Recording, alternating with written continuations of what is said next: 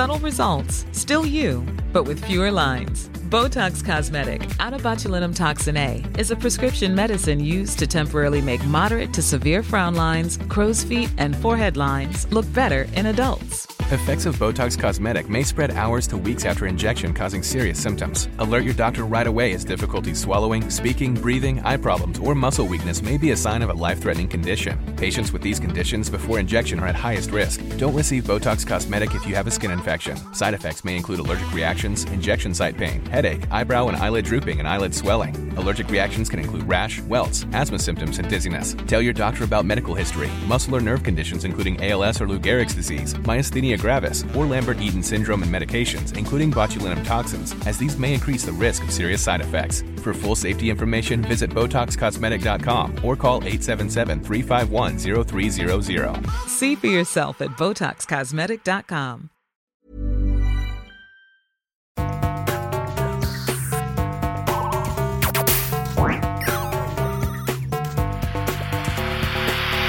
Jeg heter Sondre Risom Livrød. Jeg er psykolog, og dette er Webpsykologens podkast. Hverdagspsykologi for fagfolk og folk flest.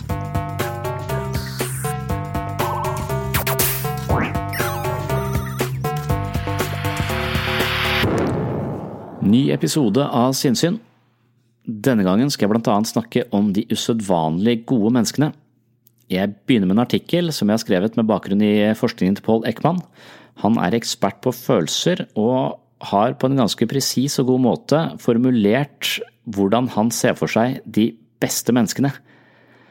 Deretter skal du få være med til et foredrag jeg holdt i Kristiansand sentrum, på et hotell som heter Ernst. Her er tematikken litt springende, men mye handler om å være et godt menneske, en god kollega og en god partner. Noen mennesker tapper oss for energi og egger til konflikt slik at samværet blir belastende. Andre skaper en åpen, trygg og vitaliserende atmosfære. Hva kjennetegner de beste medmenneskene? En av verdens fremste eksperter på vitenskapelige studier av følelser, Paul Ekman, har definert ganske presist de kvalitetene som kjennetegner de beste av oss. Noen mennesker oppleves som varme, nærværende, trygge og tillitsfulle. Det kan nesten virke som om deres blotte tilstedeværelse fører til ro og trygghet. På sett og vis skaper de en romslighet hvor folk føler seg vel og får plass til å være seg selv. Jeg har nok alltid vært fascinert og interessert i denne typen enestående mennesker, men interessen ble mer eksplisitt da jeg begynte å studere psykologi på slutten av 1990-tallet. Vi hadde mange ulike forelesere, og jeg hadde mange spørsmål til alle sammen. Noen tok imot mine spørsmål med en åpenhet og varme som fikk meg til å føle meg vel. Noen av de beste klarte til og med å omformulere mine dumme spørsmål på en måte som fikk meg til å virke klok og viktig. Men det var dessverre ikke alle som svarte på denne måten. Noen svarte med en undertone som ga en helt annen følelse. I slike tilfeller følte man seg ofte som en idiot når man stilte et spørsmål. Ut ifra denne følelsen, i møte med foreleserne, plasserte jeg dem i to enkle kategorier. Det var de jeg likte, og de jeg ikke likte. I samtalen med de andre studentene viste det seg at vi gjerne likte og mislikte de samme foreleserne. Man kan avskrive dette som helt selvfølgelig og naturlig. Det finnes fine folk, og de er lette å like. Men går det egentlig an å presisere hva det er ved disse menneskene som gjør at de blir godt likt? Hva er det med de beste av oss? Med venner og nære bekjente kan vi bedømme og forstå dette spørsmålet på bakgrunn av erfaring og relasjon. Foreleserne ved universitetet kjente vi ikke personlig, men vi opplevde dem i en ganske bestemt setting. De aller fleste svarte greit på spørsmål og var flinke til å formidle sin kunnskap, men noen utstrålte noe ekstra. Hva var dette ekstra? I ettertid har jeg tenkt at de menneskene som utstrålte noe ekstra, hadde egenskaper som Paul Ekman kaller usedvanlige. Faglig sett var de ikke nødvendigvis flinkere enn de andre. Jeg tror ikke de ga meg mer konkret kunnskap, men deres nærvær gjorde noe med meg. Jeg husker måten de var på, og jeg husker at jeg tenkte at jeg ville bli som de. Siden har jeg oppdaget at jeg ikke er som disse menneskene, men blir tiltagende interessert i hva som kjennetegner dem. I denne forbindelse har blant annet Paul Ekman konkretisert de gode egenskapene på en måte som synliggjorde de medmenneskelige kvalitetene som jeg beundret. Ekman kaller det altså for usedvanlige egenskaper, og han deler det inn i fire kategorier. Den første kategorien handler om en utstråling av godhet. Her beskriver han en positiv kraft som gjennomstyrer hele personen, både i sitt private og i sitt offentlige liv. I denne sammenhengen nevnes sjarlataner og karismatikere som ofte lever et makeløst offentlig liv, men bærer denne fortreffeligheten som en maske for å skjule et sørgelig personlig liv. Begrepet sjarlatan refererer til en bedrager, svindler, humbugmaker eller en som øh, foregir å ha ferdigheter og kunnskaper som han eller hun ikke egentlig har. Det står altså i motsetning til den usedvanlige personligheten hvor skillet mellom det private og offentlige liv er mer gjennomsiktig. Med andre ord så er gode personer ganske gjennomsiktige, de tør å være seg selv på tvers av ulike arenaer. Kanskje man kan si at de hviler i seg selv. Den andre kategorien handler om uselviskhet. Disse menneskene oppleves inspirerende og tillitsvekkende i kraft av deres manglende interesse for status, berømmelse eller egooppbyggende påskjønnelser. De arrangerer ikke sine livsprosjekter med en underliggende agenda som handler om ære og berømmelse, og et slikt fravær av egoisme er ganske bemerkelsesverdig og sjeldent rent psykologisk sett. Den tredje kategorien omhandler personens nærvær. Vi har alle opplevd å omgås mennesker som på en eller annen subtil måte tapper oss for energi, egger til konflikt eller anstifter en undertone av konkurranse som gjør samværet belastende. De usedvanlige menneskene har ingen av disse karaktertrekkene som tømmer relasjonen for energi eller ansporer den i antagonistiske retninger, snarere tvert imot. Disse personene har en kvalitet som gjør at andre mennesker nyter deres nærvær uten at de klarer å sette fingeren på hva det er ved dette samværet som føles vitaliserende. Den siste kategorien handler om en ekstraordinær evne i forhold til oppmerksomhet og konsentrasjon. Disse menneskene lar ikke tankene vandre i alle mulige retninger når de engasjerer seg i en samtale eller et møte, men de makter å beholde en vedvarende oppmerksomhet på sakens anliggende, noe som gjør dem i stand til å konsumere mye informasjon, de oppleves som gode lyttere, og de er selvfølgelig tillitsvekkende med personer som vier så mye oppmerksomhet til en pågjeldende sak. Ekman viser oss at eh, mennesker av slikt kaliber er både fleksible og åpne i sine perspektiver på tilværelsen. Det territoriale behovet for å fremme en helt bestemt livsorientering er ikke lenger en eh, styrende drivkraft, men dessverre tilhører slike personligheter sannsynligvis unntaket og ikke regelen dersom vi ser jordas befolkning under ett. Men når man er så heldig å møte et usedvanlig godt menneske, merker man det som regel med en gang. De har opparbeidet seg en indre harmoni og balanse som gir dem overskudd til andre. De har ikke et eh, fremtredende behov for andres berømmelse og ros for å tilkjempe seg en følelse av mening og verdi. De har nådd en form for indre balanse hvor behovet for å bli sett og hørt avtar i styrke og levner rom for en genuin interesse og innlevelse i andre mennesker. Det er sannsynligvis mye av kjernen i de usedvanlige menneskenes strålende natur. Hvordan blir man et usedvanlig godt menneske? Dette er et stort og vanskelig spørsmål. Utgangspunktet vårt spiller unektelig en viktig rolle. Våre relasjoner gjennom oppveksten er med på å forme vår personlighet og de forskjellige nevrologiske forbindelsene i hjernen. Frykt, mistenksomhet, mistillit og lav selvfølelse er bare en brøkdel av mentale fenomener som gjør at vi møter tilværelsen i en slags eh, forsvarsposisjon. Noe som er det motsatte av den varme åpenheten vi har beskrevet hos de usedvanlig gode menneskene. De fleste av oss er ikke usedvanlige i den positive forstand vi er eh, her bruker ordet, men nyere forskning viser at vi kan bli det.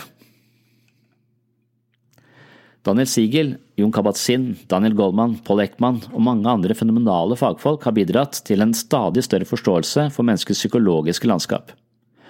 Og noen av de mest oppsiktsvekkende er at vi har muligheten til å forandre oss på svært positive måter dersom vi gjør en innsats for dette. Alle disse fagfolkene snakker om selvutvikling i forholdet mellom østlig og vestlig innfallsvinkler til mental helse. Helt overordnet sett assosieres selvutvikling med evnen til å utvide sine indre grenser og se seg selv i et stadig større perspektiv. Vi utvider vår identitet, og resultatet er at behovet for å forsvare grensene for hvem vi er, blir mindre. Det betyr igjen at vi kan møte andre med større åpenhet og bifalle tilværelsen med en uhindret glød. Meditasjon og selvinnsikt kan gi mange personlige gevinster, men sekundært kan det berike andre mennesker og våre sosiale forbindelser. Rent faktisk kan, det, kan et rolig og balansert menneske smitte andre med en tilsvarende ro. Med andre ord kan eh, det øke graden av vennlighet og medfølelse. Jeg betrakter dette som et verdig argument for selvutvikling, og kanskje er det veien å gå for å bli en romsligere person og et bedre medmenneske. Dette vil i så fall stå i motsetning til den eh, mer sånn så si, eh, mainstream ideen om selvutvikling som fort kan bli litt navlebeskuende og egosentrert. Ekte selvutvikling handler i bunn og grunn om å få så mye balanse i seg selv at behovene våre endrer seg fra jeg må ha noe der ute for å føle meg hel, til jeg er i balanse og behovet mitt er å gi noe til de menneskene som er rundt meg. Et ego i underskudd vil alltid trenge noe fra omgivelsene, derav egoistisk, mens et ego i balanse får altså ifølge bl.a. Maslow noe som man kaller metabehov, og disse metabehovene vil handle om å gi noe utover, gi noe av seg selv. Og følelsen av å genuint være interessert i noe utenfor seg selv og andre mennesker, noe som er høyere enn vårt lille eh, ego, forbindes ofte med god livskvalitet og gode, sterke og solide sosiale relasjoner.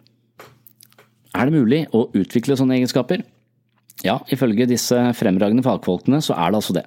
Helt konkret er det annet psykoterapi og meditasjon som stikker seg frem både i teori og praksis. Begge disse disiplinene handler om å styrke sitt indre øye og utvikle evnen til å se seg selv utenfra og andre mennesker innenfra. Det styrker våre sosiale og emosjonelle intelligens, som igjen styrker våre evne til å skape gode relasjoner til andre mennesker. I foredraget du snart skal få høre, snakker jeg som sagt om flere ting, men mye handler om hvordan prososiale følelser kan berike livet vårt på tvers av ulike områder. Dalai Lama sier at vi skal meditere på medfølelse og kjærlighet, og Jesus anbefaler oss å være romslige, tilgivende og takknemlige. Dette er klisjeer, men det er klisjeer som funker. Den siste boka til eh, David Disteno er full av forskning og eksperimenter som har til hensikt å undersøke påstandene i de gamle visdomstradisjonene. Lønner det seg å være mer takknemlig, medfølende og opptatt av andre? Svaret er ja, og nå skal jeg snakke litt om hvorfor, i tillegg til en haug av andre assosiasjoner jeg fikk underveis, og som du kanskje har hørt meg snakke om før. Da tar vi turen til et hotell i Kristiansand. Klokka er eh, halv ni. Det er mye snø i midten av februar 2018.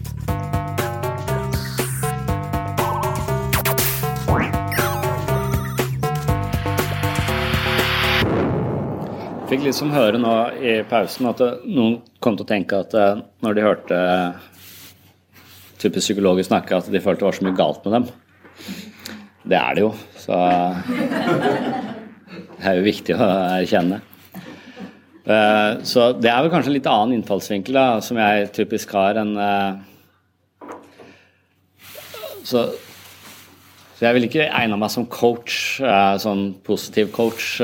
Sånn at du er fantastisk og du er helt utrolig bra. Det, Eh, for jeg er jo mer, eh, mer sånn tilhenger av en sånn form for dybdepsykologi. Eh, og en sånn metafor jeg, jeg liker, som jeg tror er fra Robert Bligh, som, som er at uh, er, Han skrev en historie om Jernhans, det er egentlig manne, manneboka, kjent som. Men, uh, men Jernhans det er dette eventyret hvor uh, han mister en gullball ned etter tjernet. Og dette tjernet er sånn mørkt og dypt og forferdelig og fullt av hår og, og, og, faenskap, så du har ikke lyst til å hoppe uti der. Men hvis du orker å hoppe uti, så kan du eventuelt finne gullballen din og prøve å svømme ned i dette dypet hvor du ikke helt vet hva, hva som befinner seg engang. Så, så sier Robert Bligh at alle mennesker har dette valget, da, at vi kan velge å finne gull nede i dette tjernet, eller vi kan prøve å leve ved å gå rundt dette tjernet og ikke forholde oss, ikke gå ned i, ikke svømme ned i dypet. Uh, og han, uh, Jung f.eks. sier at uh, mennesket er Mennesker, mennesker, er ikke opplyste. Mennesker er ikke eh, i eh, kontakt med seg sjøl fordi at altfor mange av oss velger eh, den lette veien. Vi velger å gå rundt dette tjernet. Så vi velger å leve på en måte på sida og hele tiden sørge for at vi ikke kommer for nærme dette mørke, mørke tjernet. Og det går an. Det går an å liste seg rundt her sånn. Men på et eller annet tidspunkt, og i dette eventyret, så, så vil det si at hvis du kommer for nærme tjernet, så kommer det en hann opp og trekker deg ned. Uh, i, i, dette mørke kjernen og Det er på en måte depresjonen. Og hvis du da ikke kan svømme, så er du ganske, uh, ganske fanga. Så ideen er vel egentlig at, uh, at, vi er nødt til å møte våre Selvutvikling handler litt om å møte sine mørke sider, integrere de, forstå de, våge å se på de, ta ansvar for de, leve de, for så å leve forbi de. Eh, så istedenfor å bare tenke Det er liksom uh, follow your bliss er den sånn californske varianten av selvutvikling. Bare gjør det du er god på, og tenk positivt. Så, så vil uh, Jung og de postfreudianerne tenke litt motsatt. At det, det viktigste du på en måte kan vite om deg sjøl, det finner du der du helst ikke vil leite. Så du går i den retningen du helst ikke vil, eh, vil se. da. Så jeg tenker kanskje at det er, det er en slags sånn så, så, hvis folk tenker ja, det er uh, noe galt med meg, så føler jeg ikke det er noe sånn uh, godt budskap å bringe, for det er det ikke. Men det er jo egentlig det fordi at vi bare er mennesker. Og det å erkjenne at vi er mennesker og akseptere at vi er mennesker, er det, er det viktigste. Uh, og, og, og, det å våge å, å, se på det. Så jeg, så jeg er veldig tilhenger av at hvordan skal vi endre et arbeidsmiljø? Jeg tror ikke det er Og dere tror jeg har et ganske godt arbeidsmiljø, som jeg har forstått det. Så det er ikke det at det er noe noe galt her, men, men alt kan alltid sannsynligvis bli, bli noe, noe, bedre. Så, så jeg, det, det, handler egentlig om at hver enkelt går eh, i seg selv. Så istedenfor å prøve å endre omgivelsene sine, så kan man begynne å endre, eh, endre seg selv først. Jeg tror det, det er det viktigste eh, man gjør. Og hvis man kanskje da har en viss innsikt i hva som foregår, så kan man også unngå de verste, eh, de verste fellene. Så så jeg tror det å ta ansvar for egne følelser og forstå disse mekanismene Ofte så snakker jeg om psykisk forsvar også. Jeg snakker om det modne forsvar. Det betyr at vi tåler og klarer å uttrykke følelsene våre er oppriktige og ærlige. Så har vi et eh, nevrotisk forsvar som betyr at vi undertrykker en del eh, elementer som vi ikke Eh, som bevisstheten vår, egoet vårt, har et psykisk forsvar. Det fungerer som en slags immunforsvar for vår egen syke. Så det er en del erkjennelser eh, og, og tanker om oss selv vi ikke vil ha, og det på en måte skyves unna. fordi at det, Hvis vi erkjenner siden av oss selv, så vil hele selvbildet vårt skake, og det blir vanskelig å forholde seg til. og Da er vi på gyngende grunn, og vi vet ikke hvem vi er. Det er dritproblematisk. Eh, så Kirkegård har sagt at du må våge å miste fotfestet for å ikke miste deg selv. Så du må på en måte våge å se disse sidene da, for å ikke på sett og vis miste, miste deg sjøl, ifølge, ifølge Kirkegård. Eh, og ifølge Robert Bligh så blir du da bare dratt ned i dette tjernet på, på, et eller annet tidspunkt. Så vi har et forsvar som beskytter oss mot følelser som er over terskelverdien fordi vi makter å ta inn over oss. Eh, og de følelsene vil da enten på en måte bli undertrykt, og da vil de bli ofte kimen til eh, en type indre uro. Eh, stress, angst, depresjon, at vi løper litt fra oss selv, eh, vi prøver å gjøre no, noen andre ting. Eh, og jeg f.eks. som er en sånn nevrotiker, jeg vil eh, ofte ikke nødvendigvis alltid se hva som er årsaken til min egen uro, men jeg vil tenke at det kanskje handler om at jeg, er lenge siden jeg har støvsugd. Eh, så jeg prøver å støvsuge litt. og Det er sånn typisk nevrotikeren som vil rydde på overflaten for å prøve å rydde på noe på, på innsiden. Så vi gjør sånne vikarierende prosjekter utenfor, utenfor oss selv for å, for å rydde opp på innsiden. Og De følelsene vi ofte undertrykker, er f.eks.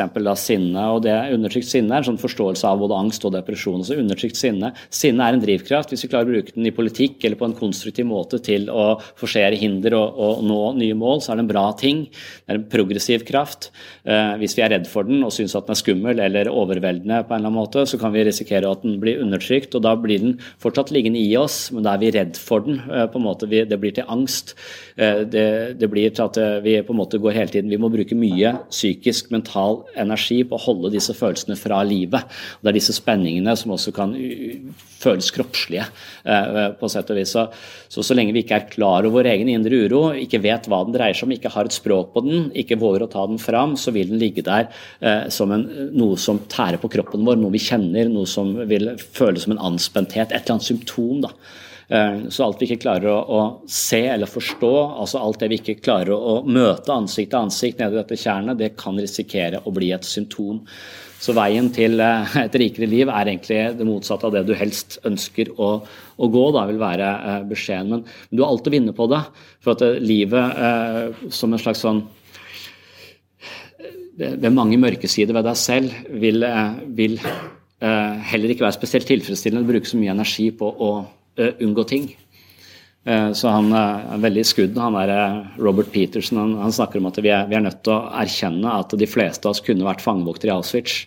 Milgram, som er en sånn psyko, sånn psykologiforsøk som sikkert alle har hørt om, så hvor, han, eh, hvor 65% av oss er villig til å administrere dødelige dose strøm til andre mennesker hvis en eh, mann i hvit frakk sier det til oss. Så under rette omstendighetene så er vi drapsmennesker. Så, så, det å erkjenne disse sidene og tåle disse sidene og se denne, det, det, mørke ved oss selv, da, det gjør kanskje at vi kan unngå å havne i det, nettopp de situasjonene. Det er når vi ikke ser disse sidene ved oss selv at de kan komme til å, å, å hindre oss og ødelegge i relasjonene eh, våre. Det handler om å våge å se innover, det handler om å ha et språk på det. Og I eventyrene så er det sånn at det bor et troll et eller annet sted ute i, i, i skogen, og så er det en eller annen blåøyd eh, fyr som heter Espen, som skal tenker at alle her i byen er redd. Alle går to og to sammen. Ingen går utenfor bymurene, ingen går ut når det er mørkt. Alle lever i en viss form for frykt. Ingen har sett trollet, alle vet at det er der, og alle er redd for det. Så han går ut for å møte trollet, og så, og så er det forskjellig slutt på disse eventyrene. Men noen ganger er det sånn at hvis, han, hvis, du finner navnet på trollet, så eksploderer det. Eller hvis trollet kommer ut i lyset, så eksploderer det. Eller hvis du finner navnet på, på trollet. Så det er, det er, mange sånne varianter av, av, dette trollet. Noen ganger er det sånn at trollet bare er misforstått, det bare er stygt å se på, men egentlig så ønsker det bare kontakt. Så, så, så, i hvert fall så er konfrontasjonen med trollet fører ofte til en slags frigjørelse. Og det er sannsynligvis også et slags bilde på uh, menneskets psykiske liv. Disse folkeeventyrene forteller oss et eller annet uh, annet enn uh, en bare sånne barnefortellinger. Det er en klokskap der. Det handler om å møte, møte trollet i seg selv, gi det et navn. Og, og, Mitt eget eksempel på det er når jeg var på babysang. og Det er det som jeg alltid har, liksom, snakker om i denne sammenheng, for Det er så tydelig for meg hvordan det å få et språk på mitt eget indre hjalp meg ut av en vanskelig situasjon. For jeg ble tvunget på babysang når, eh, for åtte år siden, når dattera mi ble, ble, født. Og, og, Da visste jeg jo ikke hvordan det var å ha barn, eller hvordan jeg skulle håndtere barn og jeg var redd for barn.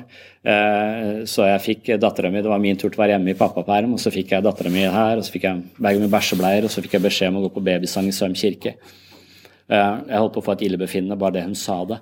Eh, mens, mens, jeg ble tvunget ut der, og jeg gjorde det. Og når jeg kommer inn i denne kirken, så, så på Søm så reagerer kroppen min som om jeg er i Syria. Da. Så 95 reagerer som om jeg er i livsfare, mens fornuften min på 5% sier at det er 16 damer som sitter og nynner. Dette er ikke farlig. Eh, eh, men, men som jeg sa, den, den, delen av hjernen min blir skrudd av. Så jeg er bare i alarmberedskap innen denne eh, kirken. og så, så jeg, jeg, reagerer som om jeg var i en krigssone, altså i en kirke på Søm. Og jeg klarer ikke å synge fordi at hjertet mitt slår så høyt at det forstyrrer takta i den der babysangen de driver og, og nynner på der. Så jeg må bare evakuere hele den kirken å komme meg unna. på en måte, og, og Da var det Knausgård i den tiden jeg leste som på en måte hjalp meg til dette. For han har også vært på babysang. Og Knausgård han har brukt seks spinn på å kikke inn i seg sjøl og finne ut av hva foregår der inne. Um, og han har et rikere språk enn meg. Han har et ekstremt stort språk, han har et veldig godt språk. Så han, han, ved å lese 15 sider om hvordan Knausgård beskriver at menn på babysang står i fare for å bli impotente og miste sin maskulinitet, sier han. Det er hans uh, observasjon av seg selv på babysang. Da forstår jeg hvorfor jeg var så jævlig redd uh, ute i en kirke uh, på Søm. Knausgård gir meg et språk som gjør at jeg kan løfte på en måte dette her opp fra kropp og ubehag eller dårlige relasjoner til innsikt. Jeg kan se det. Og alt jeg kan se, det kan jeg også strippe for muligheten til å styre livet mitt i, i, i destruktive uh, retninger. Så Det handler om å være litt nysgjerrig innover i seg selv og prøve å gi dette, eh, dette type, eh, en type, et type språk. Så, eh, og, og, jeg tenker at i disse mellommenneskelige dynamikkene også jeg hadde Uh, Games People Play. Det er en av de første selvhjelpsbøkene som er skrevet av en sånn postfreudianer som heter Eric Byrne. Han, han, beskriver disse spillene som mennesker har uh, mellom seg, og hvordan han begynner med å si at alle mennesker trenger anerkjennelse, uh, og etter hvert som vi blir voksne, så tør vi ikke å be om det direkte, så vi går sånne snirkelveier om å på en måte sørge for å få det vi, det vi trenger. og det er det han kaller Games, Games People Play. Han sier også at vi hele tiden han uh, drar videre på den Freud-modellen, at det er superego, et ego, et, et id. Men han kaller det superego, altså den der internalisering, alle formaninger, alle foreldrenes strenghet. Du skal gjøre sånn og sånn og ikke gjøre sånn og sånn. Jeg bruker 90% av tida mi på å fortelle barna mine hva de ikke skal gjøre, hvorfor de ikke skal gjøre det sånn som de akkurat gjør det der og da. Så det er sånn, alle disse formaningene som kommer inn i super, uh, superego, som blir denne dommeren. I verste fall så driver du bare og applauderer barna dine når de gjør noe bra, og, og det er kun da de får anerkjennelse. og da får de denne psykiske operativsystemet som sier at jeg er nødt til å prestere top notch for å være verdifull. Hvis ikke jeg presterer, så er jeg ikke verdifull som menneske. Så de begynner å koble sin egen verdi som menneske til sine egne eh, prestasjoner. Det er en ekstremt slitsom måte å leve på. Du er nødt til å gjøre det bra, prestere top notch for å være verdifull som menneske. En del folk har den eh, typen leveregler eller skjemaer. Eh, og noen av de finner ut at det eneste måten å få en pause på. Er bare nødt til å prestere, prestere, prestere, prestere for å eksistere. Det eneste måten å få en pause på er å ta livet mitt. Eh, så det er en sånn obs-obs på selvmord i vår, i vår, bransje. De som har sånn overdrevent kritiske eh, og overdrevent strenge krav til seg selv. Det er en slitsom måte eh, å, å leve på. Og Når jeg møter mennesker, så hender det at noen mennesker gir meg prestasjonsangst, og det syns jeg er interessant, for jeg pleier ikke å ha det. Eh, men noen mennesker har en evne til å gi meg prestasjonsangst, og ofte så viser det seg at de har veldig høye krav til seg selv. Det er sånn måte å ødelegge relasjonene deres på. for at de tenker kanskje at ja, jeg har høye krav til meg selv, men jeg stiller ikke høye krav til andre. Men på sett og vis så gjør man det uh, ofte for at det, når man fornemmer at den andre har så innmari høye krav, så føler man selv at man må være litt bedre variant av seg selv enn det man pleier å være. Så det blir en slags, ofte så siver denne, disse kravene ut på omgivelsene, og disse menneskene blir litt slitsomme å, å, å være sammen med. Så hvis ikke de klarer å dempe kravene til seg selv og være fornøyd, og ikke på en måte hvile sin egen verdi som menneske i hvordan de presterer, eller hvor mange likes de har, eller hvordan de ser ut, eller hva det skal være, alle disse forgjengelige tingene Eh, som vi identifiserer vår egen verdi med. Eh, det er, det er, slitsomt uansett hva du gjør. Du må på en måte vite, som alle visdomstradisjoner har sagt, at du er verdifull for den du er, og, og slutte å, assosiere det med disse, eh, disse, tingene. I hvert fall, Det er superego. da, og, og og De har vi ofte et ganske strengt superego, uh, vi mennesker, og det er den moraliserende delen av oss. og Erik Bjørn kaller det foreldremodus. Og så har vi et ego, som er den der meglende instansen som skal på en måte forholde seg til disse kravene vi har til oss selv, men også den delen av oss som har lyst til å være leken og lett og uh, ta ting litt uh, mindre høytidelig. Og så har vi også omgivelsene som stiller krav til oss, og dette ego skal megle mellom disse tingene. Så Eric Byrne kaller det da foreldremodus, og så har han denne voksenpersonen som er den mest realitetsorienterte og på en måte fornuftige delen av oss, og så er det denne barnemodus, som han kaller det. Og Når du møter mennesker, så vil du ofte oppleve at de, de tar en eller annen posisjon i forhold til deg. Og, og, Noen mennesker vil ofte typisk gå inn i foreldrerollen overfor deg, og da snakker de alltid litt ned til deg. Eh, så da blir det en ubalanse i, i relasjonen. og Det er sånne, subtile ting som Eric Byrne er veldig flink til å sette ord på. Han, han identifiserer disse spillene, han identifiserer forskjellige eh, eh, nivåer i hvordan vi er mot andre mennesker. Det å være voksen, det å behandle et annet menneske som en voksenperson og bli behandlet som en voksenperson, det er likestilt relasjon. Men av og til så, så skjer det ganske ofte at vi bruker eh, andre strategier for enten stille oss over eller legge oss under. Vi legger oss under for å få noe eller kreve noe, ikke ta ansvar og gi andre folk ansvar for, vårt, e, for våre egne ting. Eller vi stiller oss over fordi vi har et behov for å være bedre eller osv. Jeg har et eksempel. Jeg har en venn som, som når jeg, når jeg, av og til når jeg liksom driver og beklager meg over hvor slitsomt det er å være småbarnspappa, og driver og så bare bjeffer litt om hvor, eh, hvor kjipt jeg syns ting er, så istedenfor å bare si at ja, ja, jeg er helt enig, det er dritslitsomt, og, og istedenfor å møte meg der jeg er og bare eh, eh, jeg vet at han er i samme situasjon, vi er i lik situasjon, istedenfor bare å bekrefte det, min følelse, så gir han meg råd. Han begynner å, å, å fortelle meg hvordan jeg burde gjort ting annerledes. Og med en gang da så har han på en måte gjort meg til et barn. Eh, så Ved å møte meg på den måten, så, så selv om han tror kanskje han hjelper meg med gode råd, så gjør han meg bare liten og dum. Eh, eh, og, og hvis han har dette mønsteret ofte, at han blir sånn moraliserende og belærende når folk beklager seg, istedenfor å bare møte de der de er, så stiller han seg over. Han gjør folk små. Og, og, og hvis ikke jeg ser det, så blir jeg liten, for da blir jeg forbanna, blir trassig. Jeg blir sånn, nei faen, så, så blir jeg et lite barn. Så, så, det verste er at andre mennesker kan jo få oss til å bli varianter av oss selv som vi egentlig ikke nødvendigvis trenger å identifisere oss med, da, men vi blir presset inn i sånne roller. Og Det er Eric Byrne veldig god til å beskrive, og det er også sånne ting man kan være oppmerksom på. Jeg har én kollega som kan komme inn på kontoret mitt, og jeg blir bitte liten. Det pleier jeg ikke å bli. Eh, eh, jeg, jeg, så, så, men dette ene mennesket, jeg vet ikke hva det er han gjør, men på en eller annen måte så får han meg bare til å krympe. Og, og det er det, det, på en måte, og det tenker jeg som interessant. det er veldig, For, for meg istedenfor å tenke jeg bør unngå han, så tenker jeg litt at jeg må være rundt for jeg må finne ut hva som skjer. og Det handler om å egentlig dykke litt ned i dette kjernet. Hva er det som skjer med meg i møte med dette, dette mennesket?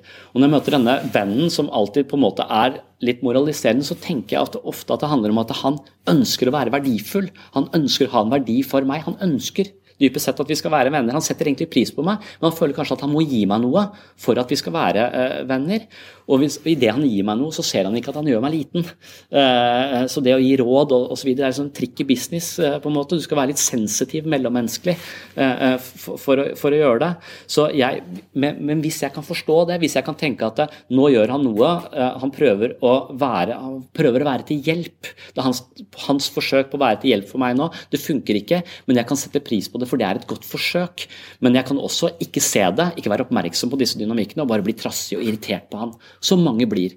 Men idet vi klarer å være litt mer oppmerksom på oss selv i de situasjonene, så klarer vi kanskje å reagere litt annerledes på disse menneskene og se eh, det som er godt for det som er godt, og, og, og kanskje ikke ta så nær av det som eventuelt eh, ikke er fullt så, eh, fullt så bra. Så Eric Burns sier også at, eh, at vi, vi, driver og spiller mange spill som vi på egentlig istedenfor å ta ansvar for uh, våre egne følelser, så lager vi scenarioer hvor vi slipper å ta ansvar for det. og Han har bl.a. et spill han kaller uh, 'Hadde det ikke vært for deg'-spillet. Og det er det spillet uh, som han, Eksempelet sa at han er en dame som alltid har ønsket å danse hele, hele livet. Hun har en sånn drøm om å, å, danse, men så har de gifta seg med en fyr som bare vil sitte hjemme og se på Skavlan hele tida. En sånn kjip fyr som bare sitter i lenestolen og være hjemme hver eneste helg. Og så sier han hadde det ikke vært for han der, så kunne jeg hatt et rikt sosialt liv ute, ute og dansa. Og til slutt så blir han så forbanna, han orker ikke det maset, så han sier at vet du, kan ikke du gå og danse med naboen, jeg er dritlei av den der maset ditt om, om, dansing. Eh, og da eh, går hun over til naboen, melder seg på dansekurs, bare for å oppdage at hun er livredd for å danse offentlig. Så hun har egentlig en frykt i seg selv som hun slipper å ta ansvar for, så lenge det var han fyren der sin skyld. Eh, og det er altså sånn, sånn det, Da er vi over i de primitive forsvarsmekanismene. Det nevrotiske forsvaret. Da undertrykker vi følelser. Mens andre ganger så kjenner vi på, eh, på følelsene, men vi tilskriver den andre. Vi legger ansvaret utenfor oss selv. Eh, så så lenge det er hans skyld, så slipper hun å ta ansvar for sin egen, eh, sin egen, følelse. Og Det kalles projeksjon. Og vi er projeksjonsskiver for hverandres følelser hele tiden. For vi er ikke kapable til å ta hensyn til Eller på en måte, ikke, Som regel så er vi ikke modne nok til å ta ansvar for alle, alle våre egne følelser. Så i mer eller mindre grad så vil vi av og til projisere noe ut på andre. Jeg gjør dette typisk på søndag, hvor jeg uh, våkner med, uh, med, vondt i hodet, uh, kanskje et eller annet, og så er mitt ego sånn at jeg er jo ikke arrogant. hvis noen oppfatter meg som det, så tar de feil, og så er de arrogante selv. Og jeg er heller aldri sur, så hvis de oppfatter meg som, som, sur, så må det være noe annet som er galt. Så når jeg våkner og kjenner det er en dårlig stemning på søndag morgen, og kona mi driver og plystrer og sier ja, vi skal i dyreparken og det er fint vær og bare stå opp du, så skal vi gå. Eh, så sier jeg ja, men jeg syns du virker litt sur, eh, for det er jo dårlig stemning der. Så sier nei, jeg er ikke sur, vi skal gå, bare kom igjen, kle på deg. Og sier ja, men det er et eller annet, det virker som det er noe galt. Nei, det er ikke noe galt. Og så, så, så sier hun ja, vi skal med et annet vennepar som er sånn utrolig blide. Fryktelig irriterende å være sammen egentlig. Eh, for uansett hvor blid du er selv, så er du litt sur i forhold til de.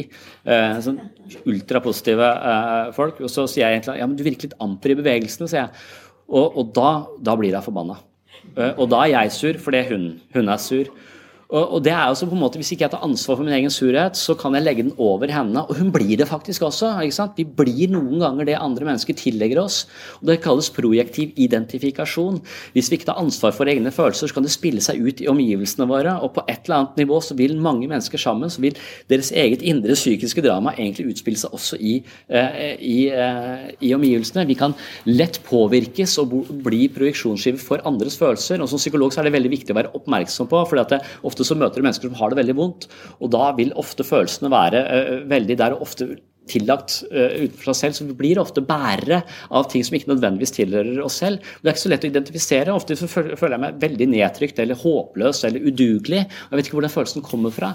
Derfor har vi også veiledning som handler om hvem har du møtt i løpet av dagen. Hvor kan dette stamme fra? Prøve å sortere i dette her, så du ikke blir fanget av det. For Idet du er fanget av følelsen, og er følelsen, så ser du den ikke. Da har den blitt din. Idet du klarer å ta et skritt tilbake og se det, så kan du klare å sortere i disse, disse tingene. Jeg husker jeg var på en sånn eh, tur til på en guttetur en gang i året. Eh, og en av oss, da, eh, eller egentlig to, eh, men én er sånn ganske aktiv narkoman, vil jeg si. Han, og hver gang vi lander på en flyplass, så, så, det, så blir vi på en måte i hvert fall i Polen så kom det en sånn fyr da, med bikkje og som gikk rett bort til Fredrik stilte seg opp og kikka på han. Eh, og da måtte alle vi som var assosiert med Fredrik, inn på et sånt lite rom hvor de tok passa våre. Og så sto denne svære polske fyren og lo av oss, for han leste navnene våre. Og så sa han til meg 'ikke ta hendene i lomma', sa han. Og jeg tok de liksom opp, og så, så gikk det ca. 20 sekunder, så hadde jeg hendene i lomma igjen. så og så stirra han på meg, ikke så enda høyere, så bare skreik han til meg at jeg ikke må ha hendene i lomma. Og jeg er opp igjen. Jeg tror jeg tar hendene i lomma og ble nervøs. Jeg blir dritnervøs av folk som bare ligner på politi. Uh, og, og da, da, da, så utrolig, Jeg følte meg så utrolig skyldig, selv om jeg ikke har gjort noe galt. Og jeg tenkte, Da tenkte jeg på at hvis han hadde sagt at vet du hva, jeg skal være snill mot deg, du får tre år i fengsel, så hadde jeg sagt takt og skrevet under på flekken og bare vært takknemlig for at jeg slapp unna med tre år uten å ha gjort noe galt. Du kan tillegge, du kan få en skyldfølelse. altså omgivelsene dine kan tillegge deg ting som ikke er ditt eget. Og det er ganske uoversiktlig. Så det eneste vi kan gjøre, er å prøve å få oversikt i oss selv. Da vi kan prøve å finne ut av hva i meg eh, eh, har jeg potensial for å legge ut hva er jeg ikke klarer å ta ansvar for. Og hver gang jeg møter vanskelige situasjoner, istedenfor å finne ut av hva som er galt med den andre, eller har rett, finne ut av hva kan jeg lære av denne situasjonen. Hva kan jeg lære? Spiller egentlig ingen rolle om den, du eller den andre har rett. Det kan være irriterende hvis du har rett og du må gi den andre, men, men det er Istedenfor å se andre mennesker som irriterende, kan du se de som er irriterende er der for å lære deg noe viktig om deg selv. Sånn har jeg begynt å tenke litt eh, om ting. Og En av de tingene jeg har gjort for å utfordre det virkelig, altså annet sånn, et selvhjelpstips jeg har fått, er altså at lat som om andre, alle andre er opplyst og har det riktige svaret når du ikke vet noen ting. Hvis du bevisst gjør det noen ganger, så kan du, få, kan du lære ganske mye nytt. Og jeg var så bombastisk ateistisk anlagt. Uh, så det eneste det som, hvor det virkelig rabla for meg, det var da jeg drev diskuterte religion med folk. Det, det var, var jeg dritdårlig på. Og jeg blei så sarkastisk og spydig og gæren, så jeg fikk ikke forbud fra kona mi om å diskutere religion med noen. Så, så, tenkte jeg ok, det er den dårligste siden jeg har. Da skal jeg møte, prøve å møte det eh, eh med dette dype tjernet. Jeg skal prøve, dette, jeg skal prøve å inngå, jeg skal prøve å melde meg inn i en menighet og være der. Og så prøve å se saken fra et annet eh, synsvinkel. Så jeg har vært fem år i Frikirken jeg nå. Eh, eh og ha veldig gode erfaringer eh, fra det. Det er også den, Jeg holdt på å skrive en bok om akkurat det. Eh, hvordan det gikk. Mm. Har lært eh, veldig, veldig mye.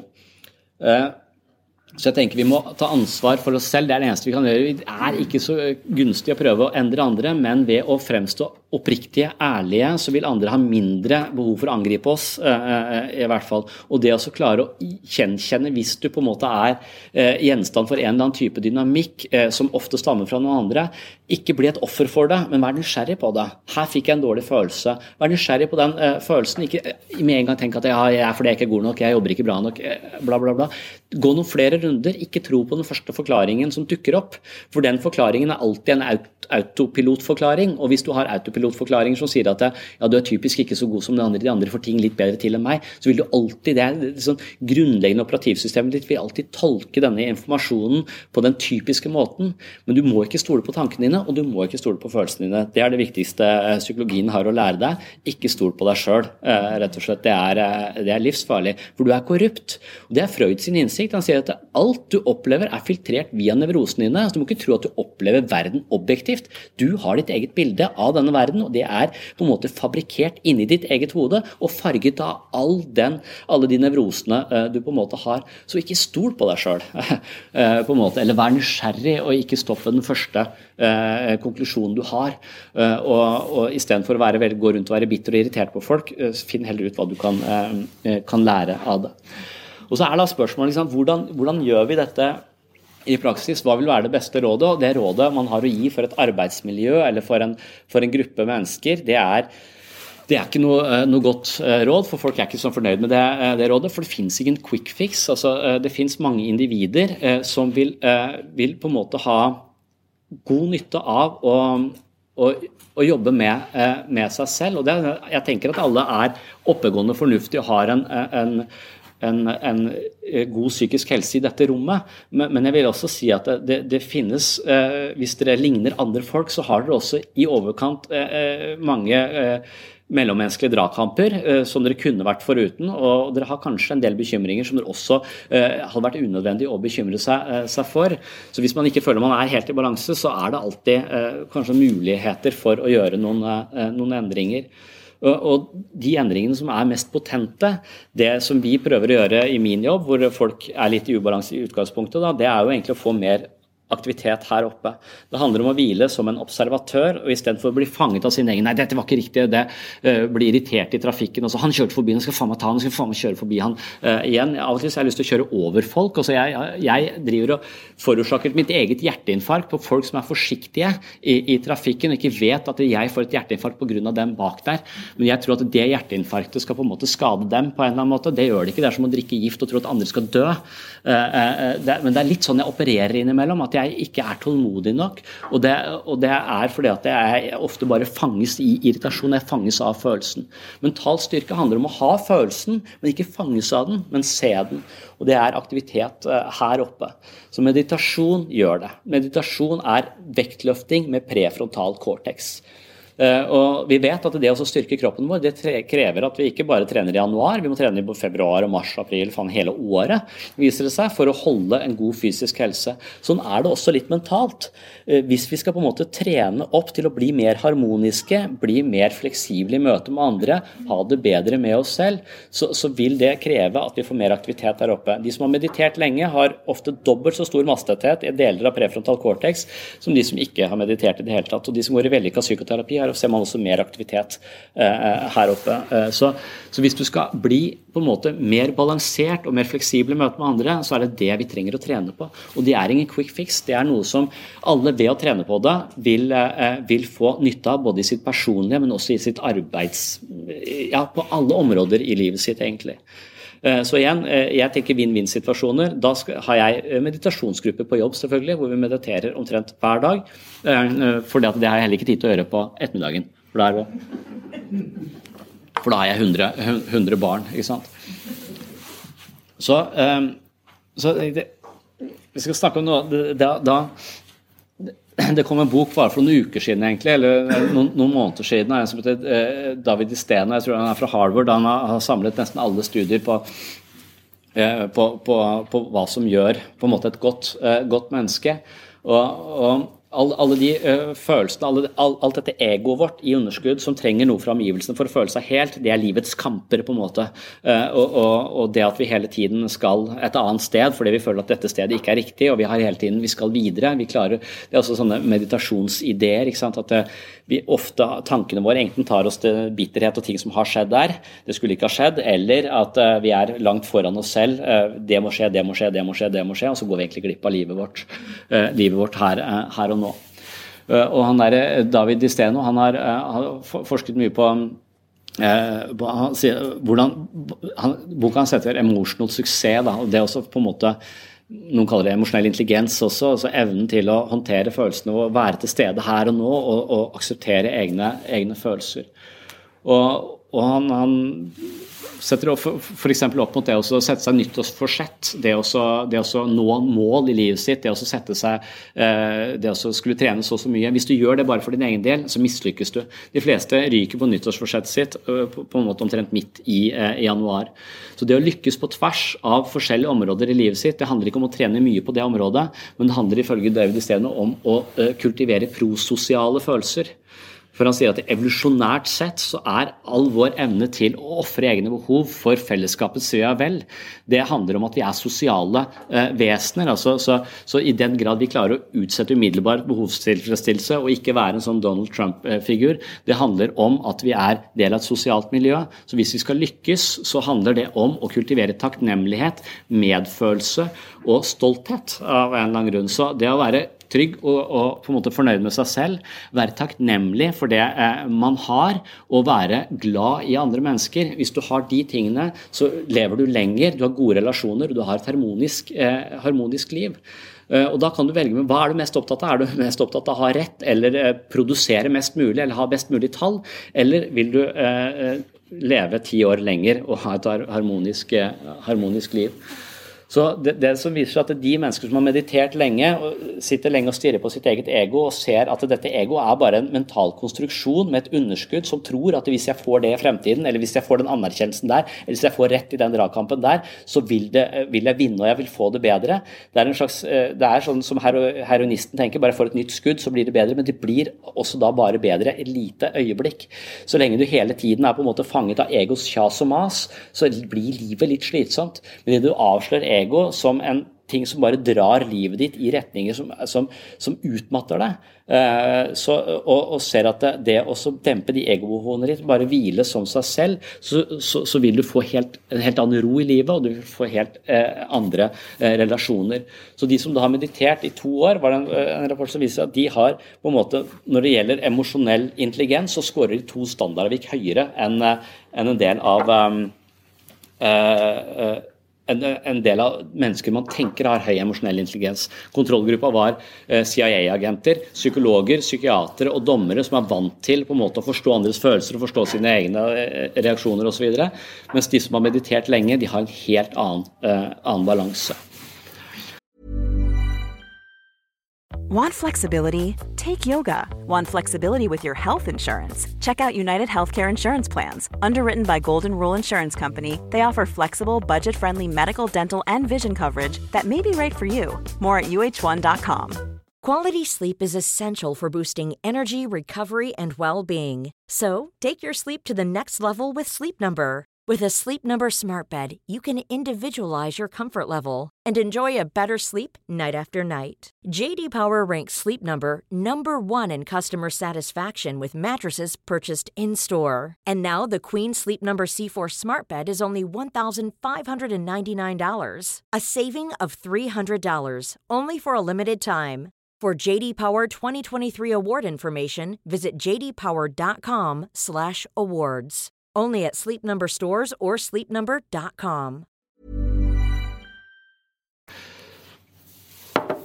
Så, eh, så, det at Dalai Lama driver og maser om hele tiden at vi skal bare, eh, bare eh, love and kindness meditation, det å hele tiden kultivere disse positive følelsene for, for hverandre, ideen i denne tibetanske buddhismen som han holder til, det er en litt annen idé enn vi har i Vesten. Altså, han, han tenker seg at, eh, at, sinnet vårt er, eh, på en måte har plass til så og så mange følelser. og Hvis vi, hvis vi dyrker de, de, eh, de, medmenneskelige prososiale følelsene mye, så vil det bli mindre plass til, til de, de, destruktive følelsene. Så jo mer vi på en måte klarer å være glad i mennesker, og jo mer vi klarer å være takknemlig for det vi har, og ikke hele tiden føle at det vi som er, er feil og burde vært annerledes, så, så vil vi vinne ekstremt mye livskvalitet i det. Det er et litt annet perspektiv enn det den vestlige psykologien har på, har på følelser. Eh, men, men for, jeg syns det, det, er viktig. Jeg, det der, jeg, jeg, tror at det å være takknemlig for det man, uh, man har, det, det, er det faller ikke naturlig for oss, rent sånn evolusjonært, for vi er hele tiden opptatt av fare og hva kunne vært annerledes, hva kunne vært bedre. Uh, uh, mens, mens, det å så sette seg opp, og da spør de den David hva faen skal vi gjøre da for å, for å gjøre dette du sier? Ja, det er to, to ting som viser seg å funke. Det er dette med å, være oppmerksom på hva du er takknemlig for. Takknemlighetsdagbok, sånne ting, som er sånn klisjéaktig. Eh, men det har eh, ganske gode meritter. Det handler om at vi kan styre fokuset eh, vårt. William James som på en måte startet psykologien og sa at den største oppdagelsen fra min tid er at vi kan endre livet vårt ved å endre holdning. Men da må du gjøre det bevisst. for Autopiloten din er veldig ofte 'jeg skal dit, jeg må bekymre meg, det må gå bra, det må ikke gå bra', jeg må sørge for at det skal skje, osv. Så, videre, og så, videre. så, så det å da bevisst gå inn for å uh, sette seg ned og være takknemlig for det du har, det kan gjøre ganske dramatiske uh, forandringer i livet ditt. Og det kan også gjøre at andre mennesker opplever deg ganske annerledes. Det kan gjøre ganske mye for relasjonene uh, dine. Så, så det, det, tror jeg er en er en helt sentral ting. og jeg synes Det er ganske bemerkelsesverdig at det så jeg tror han ramser opp over 200 studier som peker i denne retningen. Og da ser vi bort fra at alle de store visdomstradisjonene fra Jesus og Buddha osv. har også messet om dette med medfølelse og det å være raus og aksepterende overfor andre. Det er også min erfaring at det jeg tror jeg har lært som gruppeterapeut, det å være sammen med andre mennesker altså Jeg møter jo ikke de letteste folka. Jeg møter jo en del folk som er litt vrange og vriene også. Sånn som han der fyren som kommer inn og røyker på kontoret mitt. Det er ikke lov til å røyke på sykehusområdet i det hele tatt. Ehm, eh, så, så, så, på en måte så er det at det, eh, på face value så, så, kan folk veldig lett irritere oss eller føle at de tar feil. Eh, osv. Men idet du klarer å lære å kjenne et menneske bak denne fasaden, som ofte er deres måte å hevde seg på eller overleve på, eh, en eller annen maske, en eller annen, en eller annen sånn ting som har på en måte sørget for overlevelse tidligere, eh, men, men som nå ofte kanskje bare hindrer de, idet du klarer å komme forbi det og lærer å kanskje ha empati med den personen som er vanskelig å ha empati med, og se at det er et strevende menneske bak der, det er noe likt med oss. Det, det som var den største oppdagelsen tror jeg, i min i min karriere at jeg trodde før at jeg var litt bedre enn andre. Det var da jeg gikk i den gruppetermen. Jeg trodde jeg var litt klokere enn andre. Og så viste det seg at jeg er helt lik. Det var en narsissistisk stor krenkelse, men alle de menneskene jeg møter i min jobb, som har angst, depresjon, alle disse tingene, jeg ligner de på veldig mange måter. Og når jeg ser det, når jeg ser at det er noe felles mellom meg og det andre mennesket, så er det noe veldig avslappende, men det er noe litt sånn krenkende. Faen, jeg trodde jeg var Men egentlig så er det noe veldig deilig også å kjenne at det, ja, vi ligner.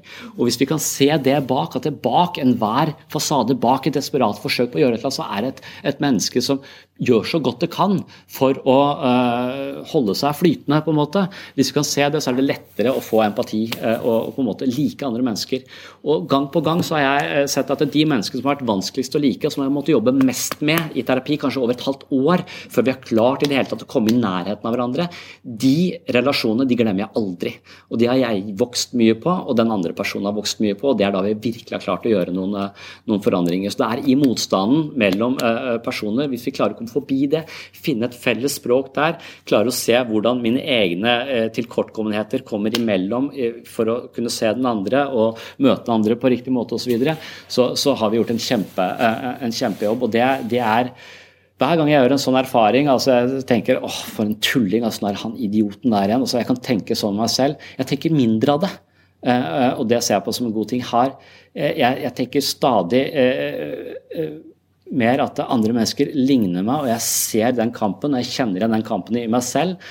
og det gjør en ganske stor forskjell. så derfor så bare, jeg vet ikke, Vi kan kanskje ha noen spørsmål, spørsmål nå, men jeg tror i et arbeidsmiljø så er det ikke vær så fokusert på hva alle andre burde gjort annerledes, men uh, vær mer fokusert på hva du uh, kan uh, forstå av deg selv, og hvordan du også kanskje kan prøve å være mer takknemlig og kultivere mer av de følelsene, de prososiale følelsene. Eh, for da kan du på en måte komme dette egoet i underskudd. Du kan på en måte begynne å jobbe fra toppen. Du kan på en måte begynne å dyrke de behovene som ikke er 'jeg må ha' eller 'jeg eh, må men, men eh, begynne å jobbe på et annet, et annet nivå. Det er sånn klisjéaktig. så når jeg sa dette på det møtet, så mente jeg at ja, dette kan høres ut som bullshit. Og det er litt bullshit. Det kan høres ut som det. Men, men jeg mener at det, det, er såpass godt dokumentert at, at det Eh, meditasjon er en mentalt disiplinerende teknikk som de holdt på med i tusenvis av år. De gjør det i bibelgruppene, de gjør det i bønn. Mens nå vi har kasta Gud ut med badevannet, sånn som jeg, som er ateist, jeg har ikke noe arena lenger, bortsett fra at jeg heldigvis har det på jobb.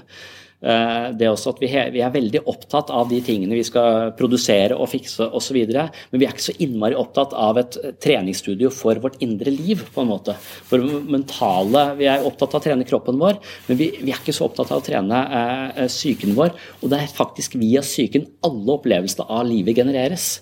Så vi burde vært mer eh, oppmerksom på det. Eh, har jeg en Ja. Mm. Så ditt råd er at vi bør eh, hver uke eller eh, ha som felles trening? Eller altså, burde, er det såpass sterkt det du sier at, at egentlig så burde en arbeidsgiver sette, altså legge til rette for dette? For det er jo det du Sånn som jeg hører det. Eh, og at, at man ikke gjør det fordi vi ikke har tid. Det er jo egentlig det er egentlig dumt, for det, det, skal, det skaper mer hvis man tok det mer på alvor. Mm. Ja, men jeg, jeg, tror det er litt vanskelig. men jeg tror Det er veldig mange eh, bedrifter som bruker mindfulness med veldig god effekt, fordi at de vet at det, styrker dette. Det, det er så mange studier som viser at det er eh, det har veldig mange, det er også veldig mange som er negative til det, altså ikke vil ha noe utbytte. Det er mange som bare sitter da og tenker på noe annet med øynene igjen, på en måte, og som, som i utgangspunktet ikke vil, eh, vil ha noe med, med, det å gjøre. Så, men jeg tenker at det er vanskeligere, de kvadrantene som er til venstre, som vi startet med, de er vanskeligere å få For det første så krever det at enkeltindividet eh, er litt nysgjerrig på seg selv og sin eget forsvar, på en måte, og sine egne mørke tjern.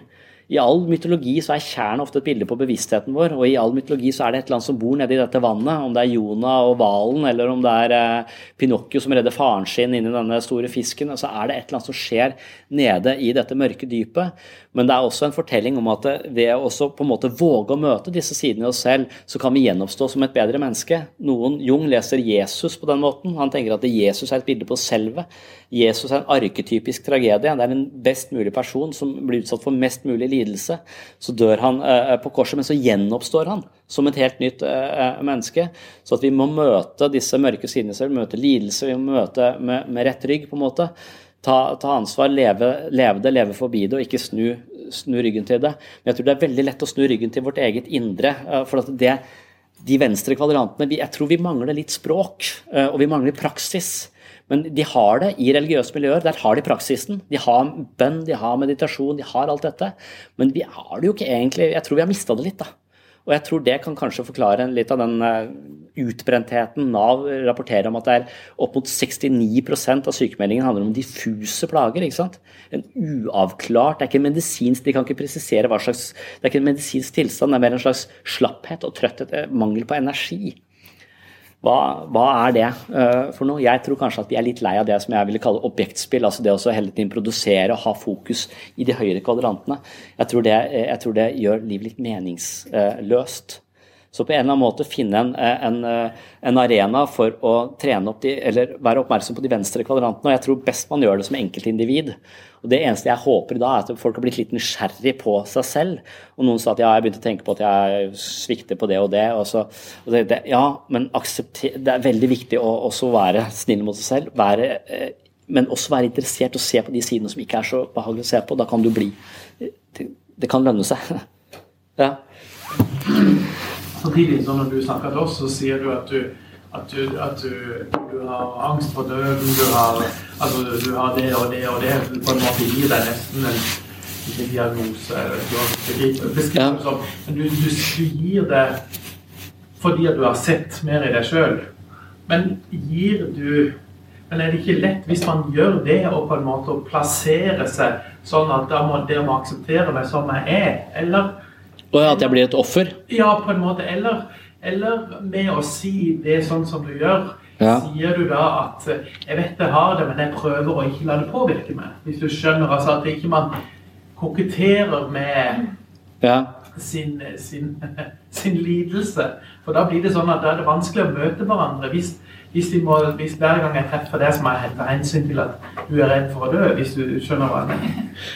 Ja, har du våpen på det? ja. Nei, eh, men det, det, håper jeg kanskje at jeg, jeg utstråler, for det er en hårfin eh, forskjell. Så når jeg sier at folk skal eh, være oppriktige, så tror folk det er også, ja, egentlig plage andre med sin egen lidelse. Men da, har de ikke lenger, da, da, er de ikke på et nivå hvor de klarer å ta ansvar for egne følelser. Så det de uttrykker de, så, så indirekte så appellerer de til at andre skal ivareta de. Så det, et, et hjem hvor en har angst, det kan man ofte et hvilehjem. Fordi at det, er, det, at det er ikke lov til å si noe her. For med en gang en er litt syk eller litt svak, så står vi i fare for å skade eh, eh, vedkommende. Eh, og, dermed så, så vil man hele tiden måtte gå på uh, kort med seg selv og ikke kunne uttrykke seg åpent. Så at, uh, er det ikke irriterende at jeg aldri gjør noe, at jeg bare ligger på sofaen? Nei, selvfølgelig, du er syk, du må få lov til å ligge Det er jævlig irriterende at du ligger på sofaen hele tiden! Og, og, så, det er det jo. Så, eh, så et hvilehjem det demper alles mulighet til å få lov til å uttrykke seg. Så hvis jeg er åpen om ting, og jeg gjør det at folk behandler meg forsiktig på den måten, eller ser på meg som svak eller sårbar, så, så gjør jeg det som en type barnemodus hvor jeg tiltrekker meg eh, foreldrefolk som kan gi meg gode, eh, gode, råd og ta vare på meg. Eh, og jeg gir andres ansvar. Jeg blir en hjelpeløs liten gutt, på en måte. Og det, det kan nok hende jeg gjør, men helst overfor kona mi, tror jeg. men, men, jeg prøver å, å, være oppriktig på en annen måte. En mer ærlighet som egentlig skaper rom. At jeg, jeg ser følelsen, jeg tåler følelsen. Jeg skal ikke gi andre den følelsen. Jeg projiserer ikke ut på noen, håper jeg. Og, og idet jeg gjør det, så vil jeg prøve å være oppmerksom uh, på det. Uh, men, men jeg, jeg, føler bare en oppriktighet. En oppriktighet handler ikke om å være privat, det handler bare om å våge å være seg selv på en sånn måte at det ikke blir too much. Eller, så jeg sier jo ikke alt dette til uh, pasienter, men jeg sier det litt også, for jeg tenker at vi er like. Og det å få en slags normalitet i dette og se at andre Det er veldig ofte det folk får ut av å være hos oss. det er at de, For det første så lærer de mer om hvordan psyken fungerer, og for det andre så ser de at folk er lik meg. Folk har en del av de samme eh, bekymringene, og vi kan møtes der sånn istedenfor å late som om vi ikke eh, har det. Men jeg, er ikke for et totalt åpent miljø hvor man går ut og prater om uh, hva, hva, slags så jeg vet ikke, det er, det er, en forskjell på å være privat og være personlig. på, på en måte. Å være personlig, åpen og oppriktig er noe annet enn å være Bruke sin egen sårbare som en unnskyldning for å få det som man vil. da. Det som Jordan Peterson er ute etter, egentlig, det er det der speklingssamfunnet som er et stort i, i USA på universitetene, hvor man faktisk ikke har lov til å eller professor er redd for å si noe som helst, for enhver uttalelse blir tatt som et eller annet. Det, det, er mange som har definert seg som offer fordi de ikke blir kalt ditt eller kalt datt. Så blir de lei seg, krenka og demonstrerer mot uh, så, så, så, det er en sånn offermentalitet da, som egentlig er en ny hersketeknikk. ikke sant? Uh, som er en ny måte å vinne legitimitet på, og som er uredelig. Uh, det er å spille offer for å, for å skade andre. så, så det er men det er, jo, det er jo tematikk som er i tiden, da. i hvert fall eh, på en del eh, sånne store opptøyer. Jordan Peterson er en av de som har blitt tatt for akkurat det der. Det jo, han må jo ha livvakter når han går rundt. For det, han nekter å kalle folk med hen og si alle disse personlige pronomene som har dukket opp.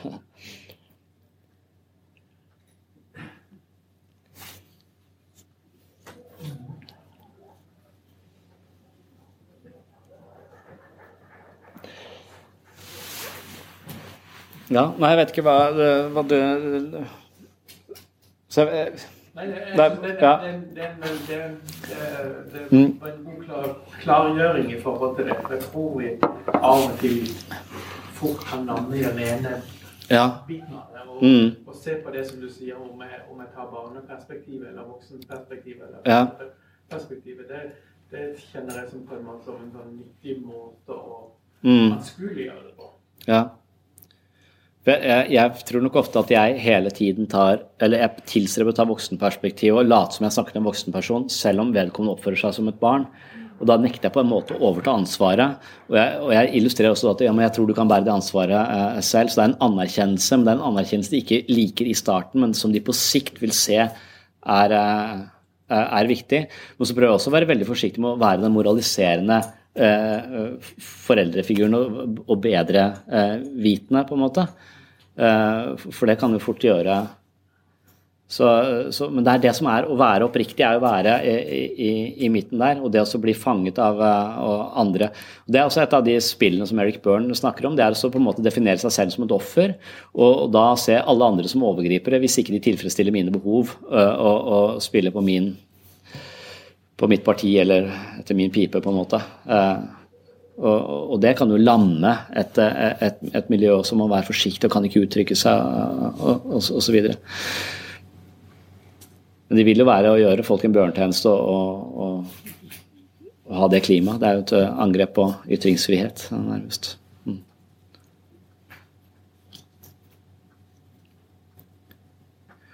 Men så lenge du er klar over ditt eget ståsted, ditt eget utgangspunkt, så, så lenge jeg vet at jeg ikke sier ting til andre mennesker for å såre dem eller for å ta dem, eller fordi at egoet mitt trenger å vinne denne kampen, så jeg tror du kan kjenne det ofte. jeg tror du, Hvis du er litt oppriktig med deg så kan du kjenne det. Men hvis du sier noe til et annet menneske som har bedt om det, du tenker er viktig, og dette er en, du, du formidler noe ikke, ikke, for å ta det, men for å, for å være oppriktig, så tror jeg at du, det, det, kan nå fram. Men jeg, jeg, tror ofte vi gjør det for å vinne kamper isteden. Det er der du kanskje skal, det er de du skal stoppe. Eller, ja.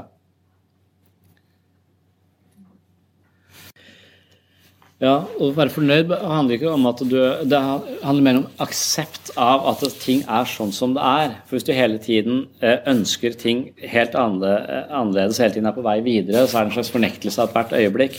Det betyr ikke at du ikke skal ønske forandring. Du bare aksepterer at sånn er det nå, og du hviler i at det er sånn som det er, det er nå. Og det, det er noe det er, det er skrevet mange bøker om mindreverdighetskomplekset, og hvordan det på en måte har skapt mye progresjon. At langt de fleste av oss er på en måte, er, har dette ego-underskuddet som, som, ønsker å få til noe for å, for å føle, oss, føle, oss, bedre. Så det er veldig mye drivkraft i et slags underskudd. Så mindre, det å kompensere for et mindreverdighetskompleks er det masse energi og masse motivasjon i. og så tenker man at hvis du er helt i balanse, så vil du vel kanskje ikke gjøre noe mer. Da. Altså, du er helt fornøyd med der du er, og det er ingen drivkraft. Men, men, det viser seg ikke helt stemme. Det viser seg at uh, den drivkraften du har uh, fra, uh, fra, balanse, kan være vel så sterk, men det er en annen type drivkraft. Det er ikke en drivkraft av, preget av en sånn underliggende desperasjon. på en måte. Det er en drivkraft preget av en form for ja, en annen sinnsro i, i, den drivkraften. Så mange er redd for at hvis jeg hvis jeg på en måte slutter å, å bry meg om. Altså, meditasjon handler bare om å fjerne seg fra virkeligheten og bare hvile her jeg er og ikke, ikke gjøre noe mer. på en måte. Men, men, jeg tror bare motivasjonen din endrer seg, og den vil ha en annen kvalitet. Så jeg tror at du kommer ganske vel så langt på den måten, selv om du kommer til å møte de, de spisse albuene der, der, også. Ja, men det er sånn nyanser for at der du er, er du uansett. Du er der du er alltid. Du vil alltid være der du der du er, men det betyr ikke at du Så, så det handler bare om aksept av, av, det du eh, av det du gjør. Men sånn, i psykisk helse så er det sånn, har, det er en øvelse som handler om å stå og stirre på seg selv naken i speilet i to minutter hver dag. Og det er fryktelig vanskelig eh, for folk eh, flest å stirre på seg selv naken i, i speilet. Noen klarer det, men veldig mange klarer ikke det. Og, og det så, og, det handler litt om at det handler om å akseptere at det er sånn jeg er, det er meg, men ofte så fornekter vi det. Og så fortsetter vi å spise for mye, eller så, vi, bare, vi, vi ignorerer eh, tingene. Litt sånn som alkoholikeren er veldig tydelig også. Hvis ikke han erkjenner at det er, aksepterer at dette er et problem, så klarer han ikke å gjøre noe med det. Eh, så, så, det handler egentlig bare om å erkjenne tingenes tilstand og, og, og, akseptere det. Men du behøver ikke være fornøyd med det. Behøver ikke at du ikke skal ville forandre det. Eh, men det handler om at hvis, det, hvis du Ofte så, så, så, har vi ikke den aksepten ved, ved, ting. Så Det handler ikke om at du skal bare måtte ta, ta, ta takk med det middelmodige. Det handler om at, at ved å Eh, føle takknemlighet eh, for mange av de tingene du har, har litt mer det perspektivet eh, inn i livet, livet sitt, så, så, så, vil du vise seg at du vil lykkes på, veldig, på, tvers av veldig mange områder. Du vil lykkes bedre i møte med andre mennesker, du vil lykkes bedre med å nå langsiktige mål. For det er nettopp det med å på en måte de prososiale takknemlighet, vennlighet og sånn overfor andre mennesker som, som evolusjonsmessig sett har sørget for at vi er en tilpasset del av flokken, og det er i flokken vi har måttet ofre ting for å nå langsiktige mål for, for, alles ve og vel. Så hvis vi har, kultiverer den typen følelser i, i flokken vår, eh, eh, så, så, vil vi få bedre resultater. Så vi vil ikke være der vi er på et dårlig sted, vi vil klare å komme eh, ganske mye lenger enn du hadde gjort ved å den manglende aksepten og hele tiden skulle videre. For dette her er ikke bra nok, dette er ikke bra nok, dette er ikke ja, så det er den desperate motivasjonen, på en måte, mer den, men litt mer sånn sindige klokskap-metoden, som er vanskelig. Ekstremt vanskelig. Og jeg tenker veldig ofte på meg selv hvorfor gjør jeg dette? Gjør jeg dette for å føle meg bedre? Gjør jeg dette for andres anerkjennelse? Gjør jeg dette for andres applaus? Hva er motivasjonen min for å gjøre akkurat det jeg gjør nå? Og jeg tror det er veldig sjelden jeg tenker at det, dette er kun fordi at det Veldig ofte så er det et egounderskudd. Et eller annet jeg trenger eller ønsker fra omgivelsene. Men noen ganger så opplever jeg at jeg sitter med et annet menneske, og det eneste jeg tenker er at jeg bryr meg genuint om deg. Og det syns jeg er ganske Det er kanskje den beste følelsen i, eh, i verden. Men den er, ikke, den er sjelden, syns jeg. Men jeg tror, om, jeg tror, det er den typen motivasjon man, man får hvis man virkelig, virkelig er i, i, i balanse. Og jeg tror ikke den er noe ringere eller dårligere enn den eh, andre motivasjonen vår. Ja, det må ikke forstås som en sånn konservativt holdning til at det, det, som er, må bare være. Vi må bare eh, eh, Men det er mer som en slags aksept. Um, eh, å se realiteten i hvitøyet. Sånn er det nå. Akseptere det. Og, og så kanskje da også sette pris på det som eh, faktisk er, eh, er bra. Jeg syns det er lettest i rollen som pappa å se det at jeg hele tiden er foran vi skal det, og så skal vi ut, så skal vi på den aktiviteten, så skal vi ha dusja, skal vi ha spist kveldsmat, så skal vi det før det, sånn at jeg får tid til meg selv. Og så er jeg på en måte, eh, også Når de da har lagt seg, så står jeg og ser på det, oi, så fantastisk de barna var. Eh, hvor, hvor hvor var det perspektivet når jeg drev og stressa i stad, hvor jeg hele tiden var eh, Jeg aksepterer ikke øyeblikket i kaos. Jeg vil hele tiden rydde det, jeg skal hele tiden vide, jeg skal hele tiden uh, vekk fra det. Bare de blir voksne nå. Bare de blir uh, hva, hva, er det jeg venter på å dø, liksom? Jeg, jeg, det er jo det jeg er redd for. Nei, ja De blir ikke voksne på den måten. Hæ? Nei, men det handler litt mer om å være til stede i det jeg gjør, der jeg gjør det. Hva da? At Ja, akkurat det må du bare akseptere. Ja, ja. Men, men, men, men, jeg tenker dette lille mennesket dør jo, eh, dør jo Om et år så er jo ikke dette lille mennesket mer, og jeg gikk på en måte glipp av det fordi jeg var mest opptatt av hvordan vi skulle komme oss i seng. Eh, og, og, og, og så videre. Det er litt det handler om å akseptere, være takknemlig for det som er. Det handler ikke om å bare fryse, men det handler om å se det som er når det, når det er der, og ikke hele tiden være på vei til noe, eh, til noe nytt. Ja, nei, men Jeg bare tenker det er det som jeg tilstreber i grupper hele, hele tiden. altså At det er miljø for forandring. Et, et, ønske om å endre seg, som er i min, i min bransje. At, det, at du får kraftige eh, krefter i det miljøet som har en åpen, vennlig og raus holdning overfor andre og for seg selv, aksepterer det som er, for så å kunne faktisk gjøre de grepene som skal til for å, for å endre seg.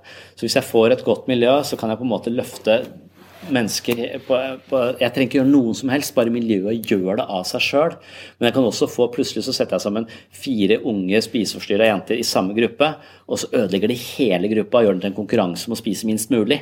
Eh, og, og Motivasjonen innad i dette systemet er helt umulig å håndtere, og jeg klarer ikke Jeg er nødt til å skrive de ut. Jeg er nødt til å fjerne de rent fysisk. Jeg kan ikke, jeg kan ikke klare å gjen... Jeg, kan ikke, jeg vinner ikke over gruppa. Gruppemiljøet er så destruktivt at jeg ikke klarer å løfte det løfte det igjen. Så, så, som en leder eller og bare som en terapeut eller hva som helst som har med grupper, uh, grupper å gjøre, så vil jeg alltid være uh, veldig bevisst på hvordan, hvordan, miljøet er. Og jeg tror bare at jeg kan fremstå da med, med meg selv, ikke som en sånn sytende klagende at jeg er syk og sånn, men, men som en som virker oppriktig og som er interessert i, i andre, andre, folk. Og Det er også den største forandringen med meg. at Med en gang jeg begynte å jobbe som, som, psykolog, så var jeg ikke så interessert i hva andre folk sa. Jeg var mer interessert i at jeg skulle si noe smart når de var ferdig med å snakke. Så jeg hørte faen ikke etter på, øh, øh, øh, på, på hva de sa, for jeg var så usikker på om jeg egentlig hadde noe fare med. Uh, og, og, dermed så, så, ble det Jeg ble ikke lyttende i det hele tatt. Helt til jeg på en måte skjønte det og kanskje ble tryggere på meg selv, så skjønner jeg at det å faktisk lytte til uh, andre mennesker er nesten kurativt i seg selv. For det er så veldig ofte vi bare er i en samtale og bare venter på at andre skal bli ferdig for å si det vi har, har, har å si. Og det å være oppmerksom på sånne små ting også syns jeg har gjort veldig mye med, med, både relasjonene mine, men også det å være i et, i et miljø. Mm. Så ja. Bra. Da sier vi tusen takk til dere.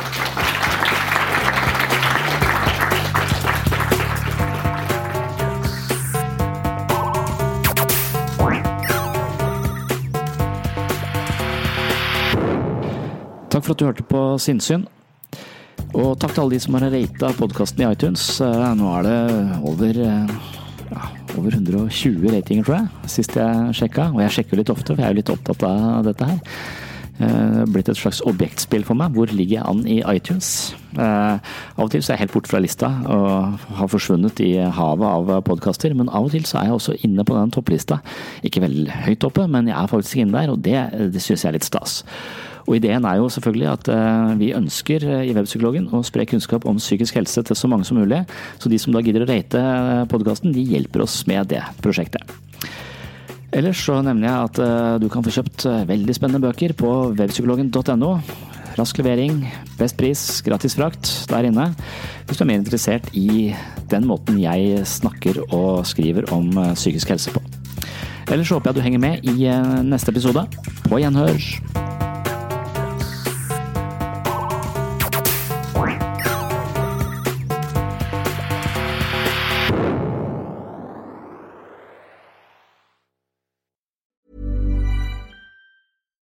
Subtle results, still you, but with fewer lines. Botox Cosmetic, out of botulinum toxin A, is a prescription medicine used to temporarily make moderate to severe frown lines, crow's feet, and forehead lines look better in adults. Effects of Botox Cosmetic may spread hours to weeks after injection, causing serious symptoms. Alert your doctor right away as difficulty swallowing, speaking, breathing, eye problems, or muscle weakness may be a sign of a life threatening condition. Patients with these conditions before injection are at highest risk. Don't receive Botox Cosmetic if you have a skin infection. Side effects may include allergic reactions, injection site pain, headache, eyebrow and eyelid drooping, and eyelid swelling. Allergic reactions can include rash, welts, asthma symptoms, and dizziness. Tell your doctor about medical history, muscle or nerve conditions including ALS or Lou Gehrig's disease, myasthenia gravis, or Lambert-Eaton syndrome and medications, including botulinum toxins, as these may increase the risk of serious side effects. For full safety information, visit BotoxCosmetic.com or call 877-351-0300. See for yourself at BotoxCosmetic.com.